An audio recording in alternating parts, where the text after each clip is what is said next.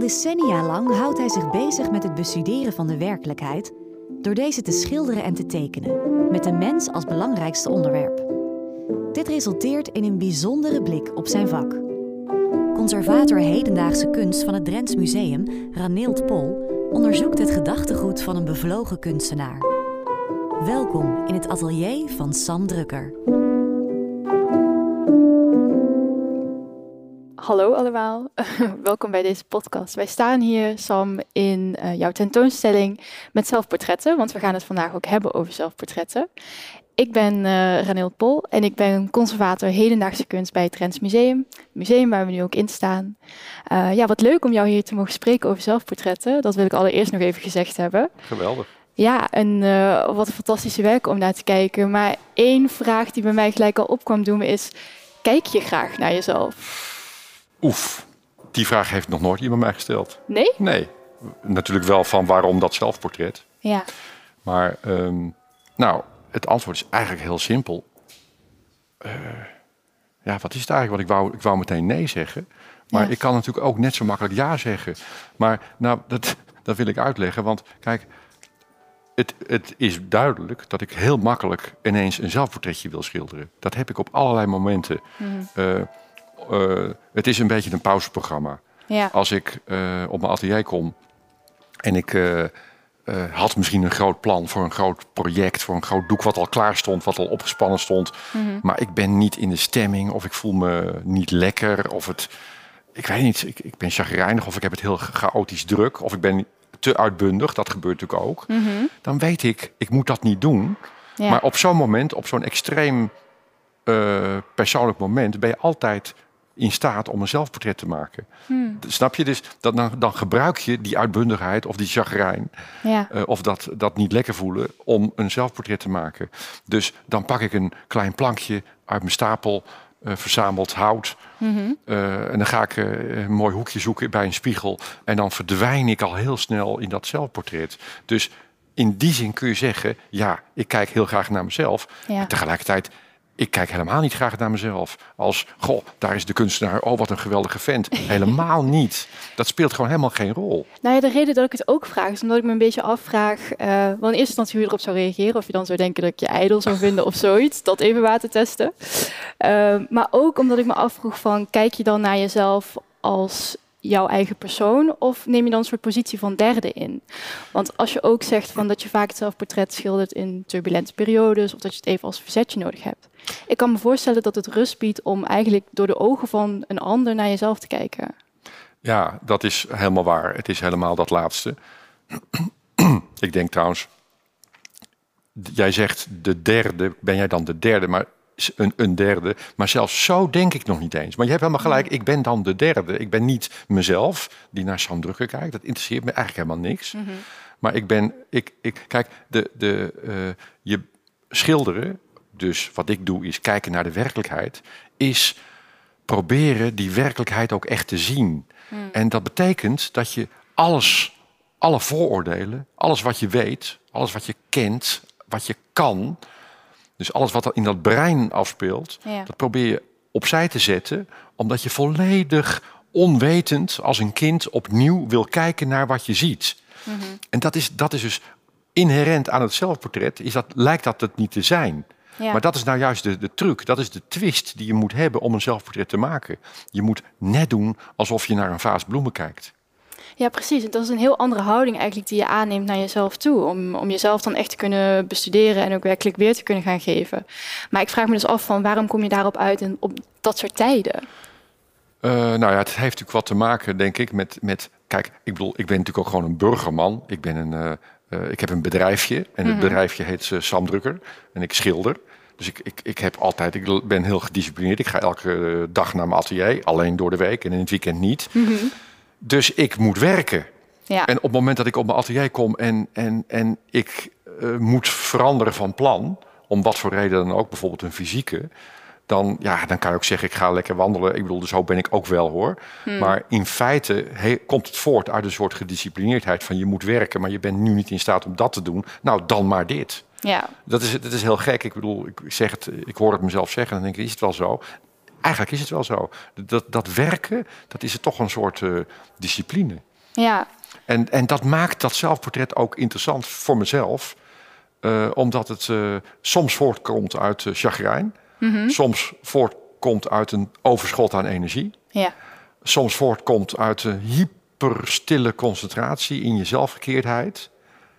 En dat is dus ook wat, de, wat, wat, wat, wat 100 zelfportretten voor verschil aanbieden. Ja, maar je moet wel met die confrontatie aandurven gaan. Want uh, zo diep naar jezelf kijken, er kan ook een soort bijna lucide momentje ontstaan. Dat je in één keer ziet van, oh, heb ik daar echt uh, al die rimpels alweer zitten? Of uh, kom je dat ook tegen in ja, dat proces? Is het confronterend het, überhaupt? Het, het, ja, het is ook allemaal heel dubbel, want eigenlijk interesseert het me niks. Hmm. Het kan me echt niet schelen hoe ik eruit kom te zien. Hè, waar ik bij een opdracht bij een eh, portretopdracht of gewoon mijn vrije werk, als ik een model heb op mijn atelier, dan heb je toch altijd nog een beetje respect. Ja. Het is gewoon heel gek, bijna ja. te veel respect.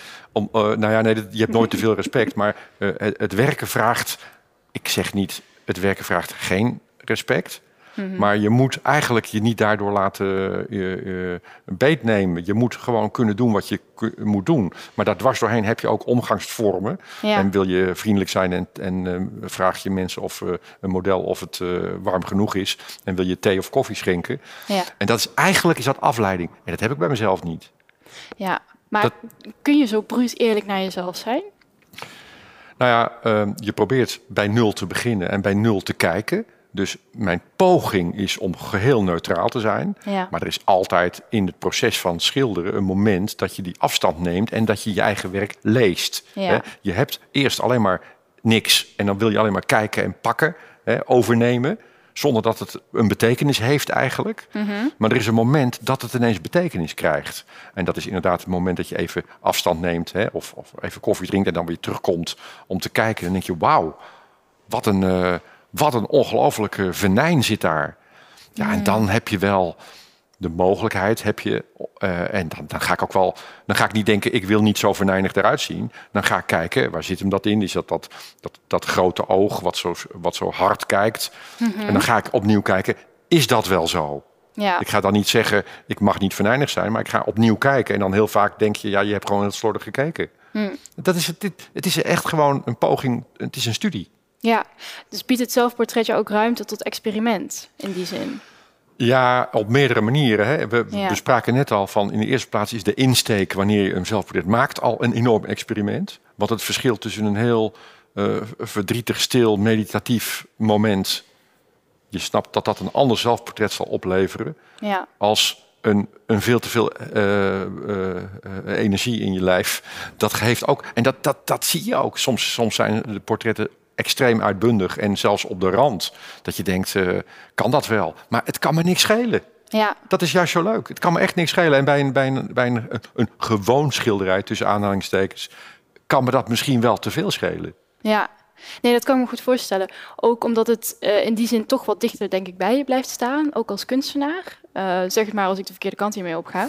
Maar ehm, ik kan me ook voorstellen als je bepaalde Wat bedoel je met dichterbij?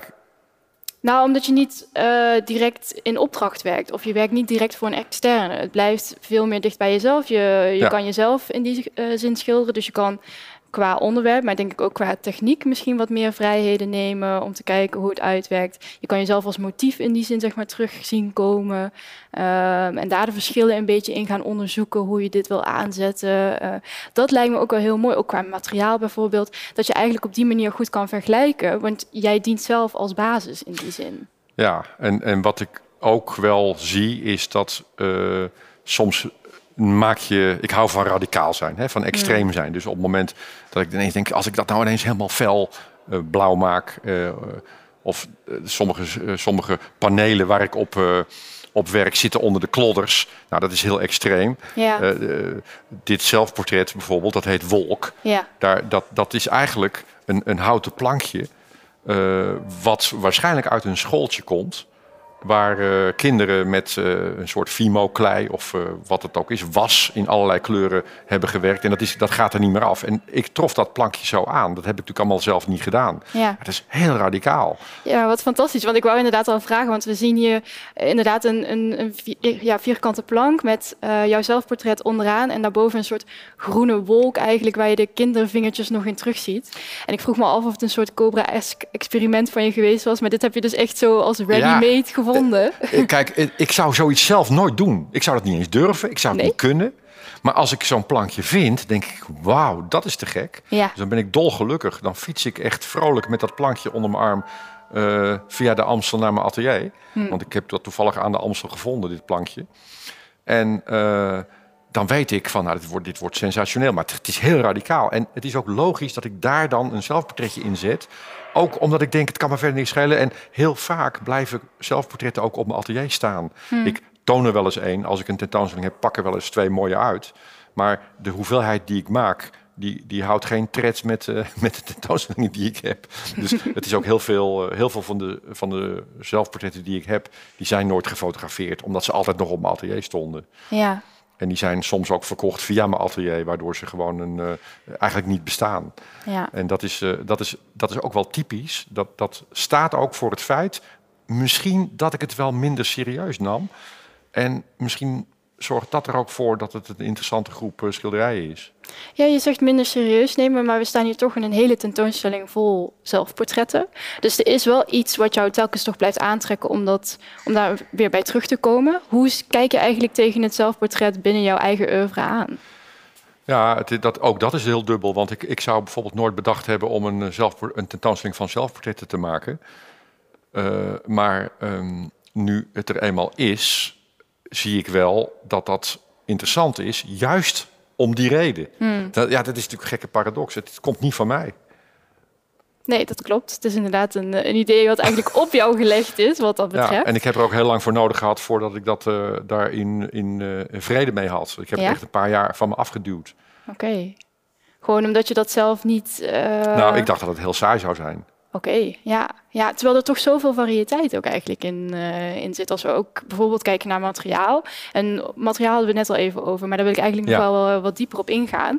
Want we zien hier, um, ja, we zien eigenlijk dat je dat zelfportret telkens op een heel diverse ondergrond weet te plaatsen. Laat je je leiden ook door het materiaal wat je vindt? Of is dat afhankelijk? Ik laat me heel erg leiden door het materiaal. Eigenlijk is dat het spel wat ik speel. Hmm. Um, nou, we staan bijvoorbeeld hier voor dat uh, portret met groene kraag, zoals het heet. Ja. Dat plankje, een rechthoekig plankje uh, van MDF. Het is daar verder helemaal uh, van, van, spaanplaat is het eigenlijk. Mm -hmm. Heel, helemaal niet belangrijk en bijzonder. Maar daar is blijkbaar door een, iemand ooit een groen vlak opgezet. Een beetje blauwgroen, turquoisig. Ja. En daarbinnen weer een wit vlak. En wat het voor geschiedenis heeft, ik heb geen idee.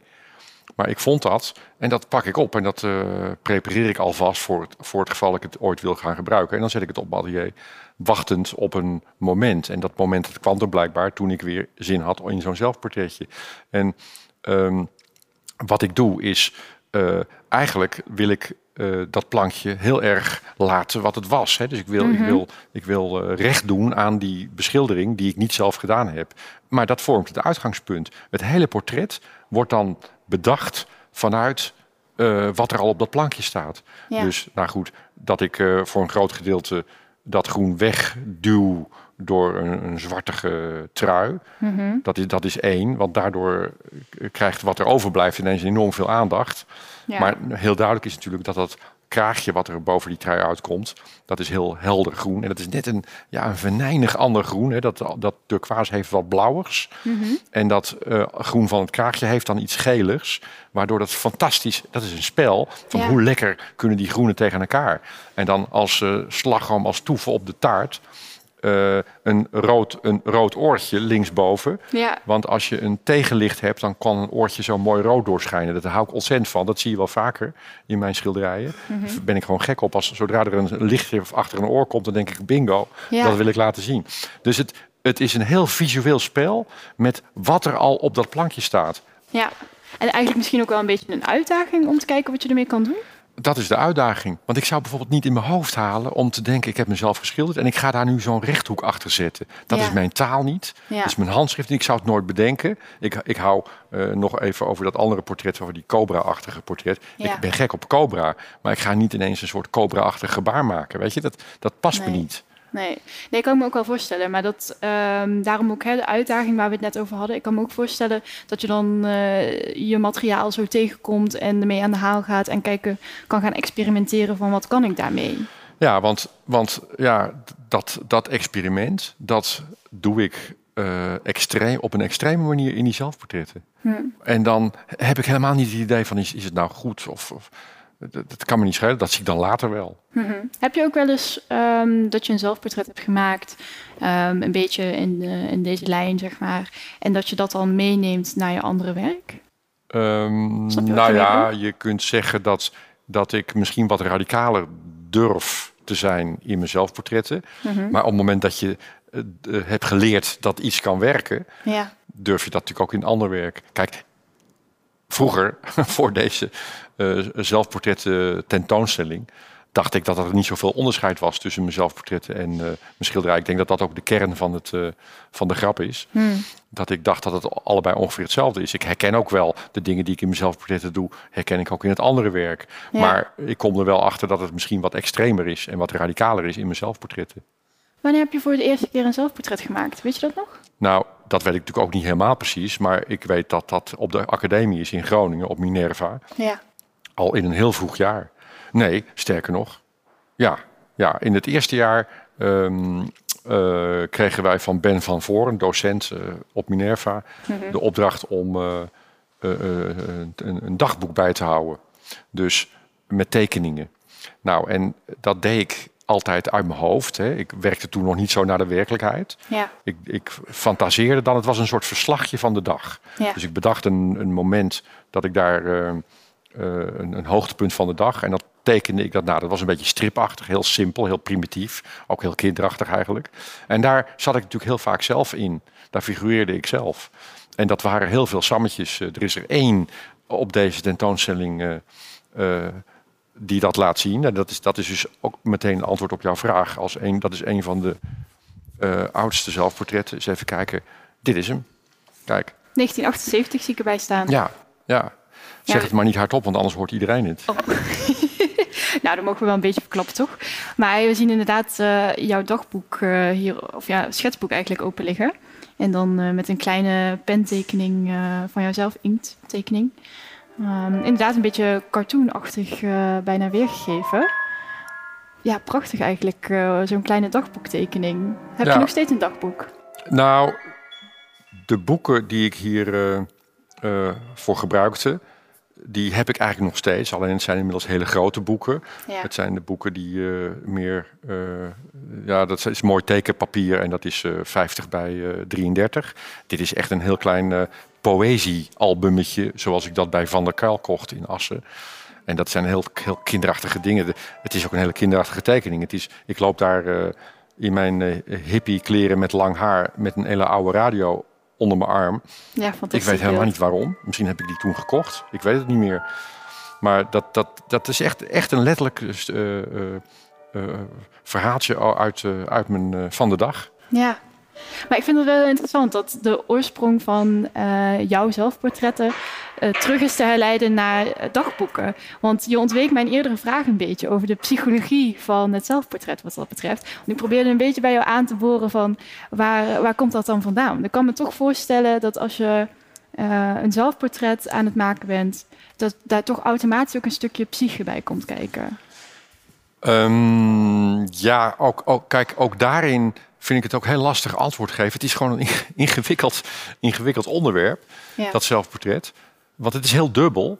Uh, want uh, mensen vragen mij, ik maak veel portretten. Hè? Mensen vragen mij als ik, als ik een, een portret moet maken van iemand, en dat is dan een opdracht. Uh, heb je dan eerst goede gesprekken met iemand? Hè? Dus al, ja. dat, dat, dat, dat insinueert dat je eigenlijk iemand goed moet kennen voordat je er een portret van kan maken. Nou, mijn antwoord is vooral nee. Het is alleen maar lastig. Uh, net probeerde ik al uh, te illustreren dat je juist zoveel mogelijk probeert niet te weten. Mm -hmm. het, het, is namelijk, als je, als je je hebt al heel snel een idee over iemand. Hè, en dat is een vooroordeel. Want wat ik doe is een beeld proberen te analyseren. Ik probeer een beeld over te nemen. Mhm. En dat beeld, dat heeft de, de kenmerken in zich die wij dan de psychologie noemen. Maar ik ben niet bezig met de, met de formulering van die psychologie. Okay. Dus je, je schildert niet dat iemand bang is. Of je schildert niet dat iemand. Goh, er mag wel iets meer uh, uh, scherpte in. Van hij mag weer scherper kijken. Dus dat, je, je kijkt mhm. en het resultaat is dat hij bang is. Of dat hij scherp kijkt. Of dat hij onzeker is. Of dat hij arrogant is. Ja. Maar, maar je, ik, dat woord arrogant, dat gebruik ik niet tijdens het schilderen. Maar bepaalde emotie kun je wel in een gezicht willen leggen. Maar, maar ik heb geen concept van, ik ga nu een portretje maken van iemand die, die uh, uh, zelfverzekerd overkomt. Maar als je goed kijkt, is hij toch heel onzeker. Ja. Dat is niet een uitgangspunt, nooit.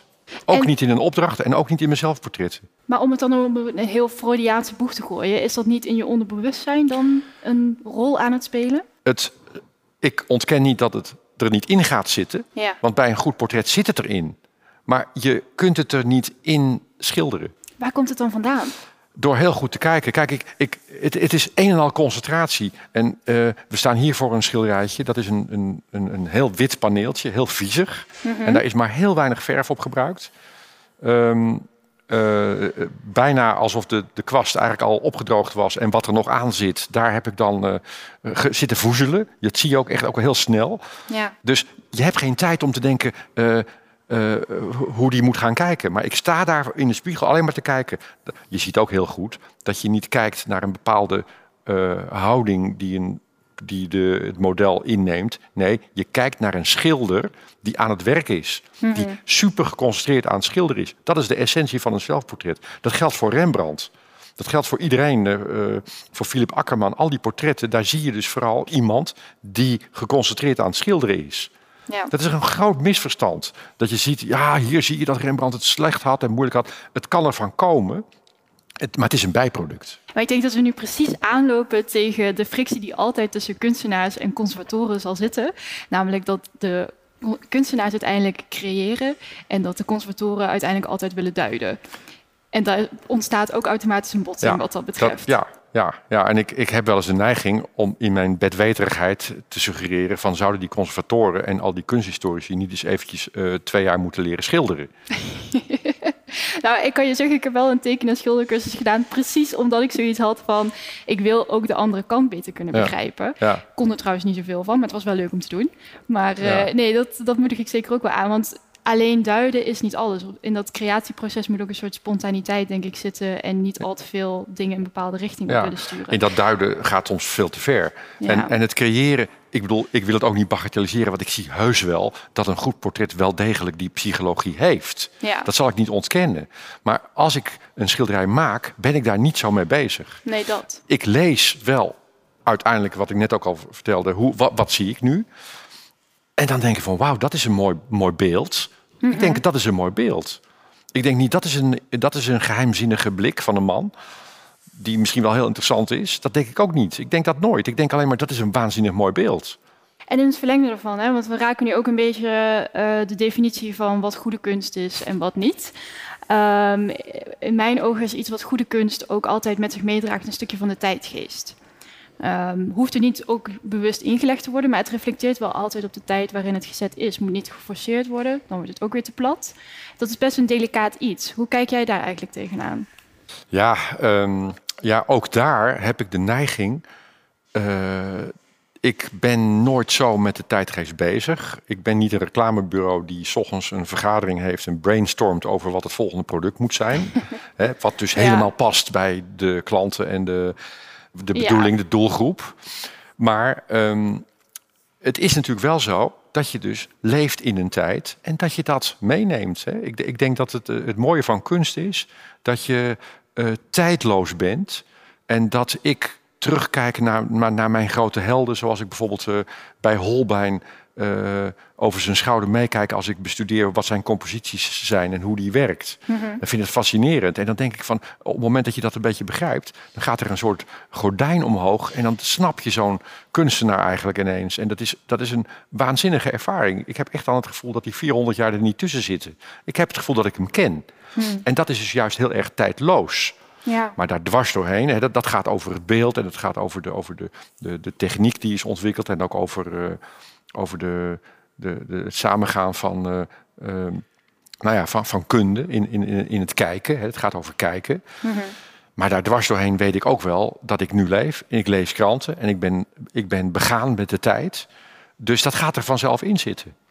Ja, en ik vraag me ook af, uh, om terug te komen tot het eerdere punt, een beetje het verschil tussen kunstenaars en conservatoren, in hoeverre het jouw taak is om uit te leggen hoe een stukje van de tijdgeest in jouw eigen werk komt. Ja, ik, ik, ik vind de. Uh, ik wantrouw toch altijd kunst waar het heel erg te dik bovenop ligt. Ik ben ja. ook altijd bang dat het heel snel weer saai is. Uh, ik, ik ben altijd heel huiverig om die tijdgeest een rol te geven. In mijn titels gebruik ik hetzelfde. Hmm ik, ik probeer dat dan te vertalen naar een, uh, naar een algeheelheid, algemeenheid. Hè, die, die ook gaat voor over, over het toen, maar ook over de actualiteit nu. Ja. Maar ja, ik ben natuurlijk van nu. Dus, dus ik, ik denk dat ik er een heleboel dingen van heb, maar ik ben er eigenlijk ook weer niet meer zo bezig. Nee, het zit er onherroepelijk in, denk ik. Maar ik vind juist wel interessant um, dat sommige kunst ook echt een beetje kan gebruikt worden als graadmeter voor de tijd waar we in leven. Omdat het eigenlijk in een bepaalde impliciete manier toch erop reflecteert. Um, nu is dat bij het zelfportret misschien iets moeilijker daaraan uh, te verwikkelen. Natuurlijk, uh, die vergelijking tussen zelfportretten en selfies, daar word je mee doodgegooid inmiddels. Dus laten we daar vooral niet te veel in duiken. Maar het is wel interessant dat het eigen beeld zoveel meer gevormd wordt tegenwoordig. Ook als je kijkt naar filters die erop gelegd worden, uh, met een heleboel foto-apps en ja. dat soort zaken. Ja. Dat is natuurlijk wel interessant, dat de maakbaarheid van je eigen beeld zo dicht bij de mens staat. Ja, ja, het is ook heel opvallend hoe vaak mensen tegenwoordig niet praten. Of maak je ook wel een selfie, zeggen ze. Maar wat je dus ook hoort van uh, dat mensen mij bellen of schrijven en zeggen ze: Goh, uh, meneer Drukker, uh, wilt u ook een selfie, selfie van mijn moeder maken? Wilt u een selfie van mijn moeder maken? Oké, okay, ja, dan bedoelen ze toch nog wel een portret uiteindelijk. Dan, uh, ze bedoelen een portret. Ja. dat is nieuw in deze tijd. Ja, nou, Dikke van Dalen past de definitie maar even aan van selfie. Want ja. Ja, um, ja, ik vraag me dan ook nog wel af, hè, als we kijken naar zelfportretten in de kunstgeschiedenis, um, hoe reflecteer je daar eigenlijk op? Ja, er zijn natuurlijk zo ontzettend veel zelfportretten gemaakt. Ik denk eigenlijk dat bijna alle kunstenaars dat wel gedaan hebben. Ja. En er zijn ook een paar hele, hele belangrijke uh, voorbeelden van. Uh, en ja, daar kijk ik natuurlijk wel met diep ontzag. Nou ja, het is misschien wel heel voorspelbaar. Maar een van de allergrootste is natuurlijk toch Rembrandt. Zeker. De, de zelfportretten van Rembrandt, die, die hebben mij zo ontzettend geraakt. Het is helemaal niet zo dat ik dat daarom ben gaan doen. Want ik, ik, ik, ik deed die zelfportretten al, nou ja, als kind eigenlijk al. Ja. Maar gewoon omdat je als puber heel erg met jezelf bezig bent. En uh, je eigen leven gezien door de bril van een uh, Hollywood-filmer. Uh, daar had ik vroeger wel heel veel last van. En misschien nog steeds wel, ik weet het niet. Ik denk dat het meevalt. Maar um, Rembrandt, toen ik dat echt pas goed ging uh, begrijpen, ja. toen zag ik natuurlijk de, de, met name de ontwikkeling van jonge uh, schilder, uh, frivol, bravoer, naar een oude man. En met name die laatste portretten, die zijn zo waanzinnig mooi. Ik vind het echt, dat is echt, dat, nou ja, er was natuurlijk in de tijd zo'n overzicht van zijn zelfportretten in Den Haag. Het is alweer misschien wel weer tien jaar geleden. Mm -hmm.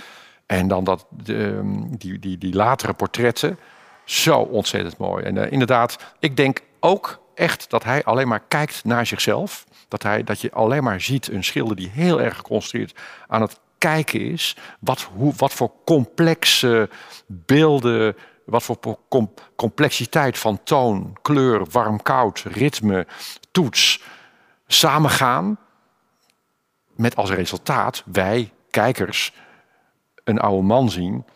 Waar, waarin je een, een, een, een, heel, een hele waaier van, van emoties in terugziet. Ik bedoel, dat is ja. natuurlijk uiteindelijk waar het om gaat. Maar ik weet zeker dat Rembrandt daar niet over nagedacht heeft. Dat weet ik zeker. Weet je dat echt zeker? Dat weet ik zeker.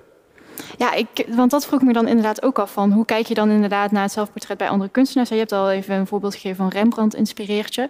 Zijn er andere kunstenaars waarvan je zegt van nou, die vind ik echt waanzinnige zelfportretten ook schilderen? Heel, heel veel, heel veel. Ik bedoel, uh, ook, ook uit die tijd zijn ook, ook Velasquez, uh, maar ook de, de, de renaissance zelfportretten die er nog niet zoveel waren. Maar je weet, er is zo'n galerij met alleen maar zelfportretten. Fantastisch. Maar goed, ook in deze tijd, ja, een heel beroemd voorbeeld, daar kan je natuurlijk niet omheen. Uh, Philip Akkerman, de Nederlandse kunstenaar, die heeft besloten: ik ga de rest van mijn leven alleen maar mijzelf schilderen als onderwerp. Kijk, hij maakt daar natuurlijk echt een, een concept van. Dat is echt een heel andere insteek als ik.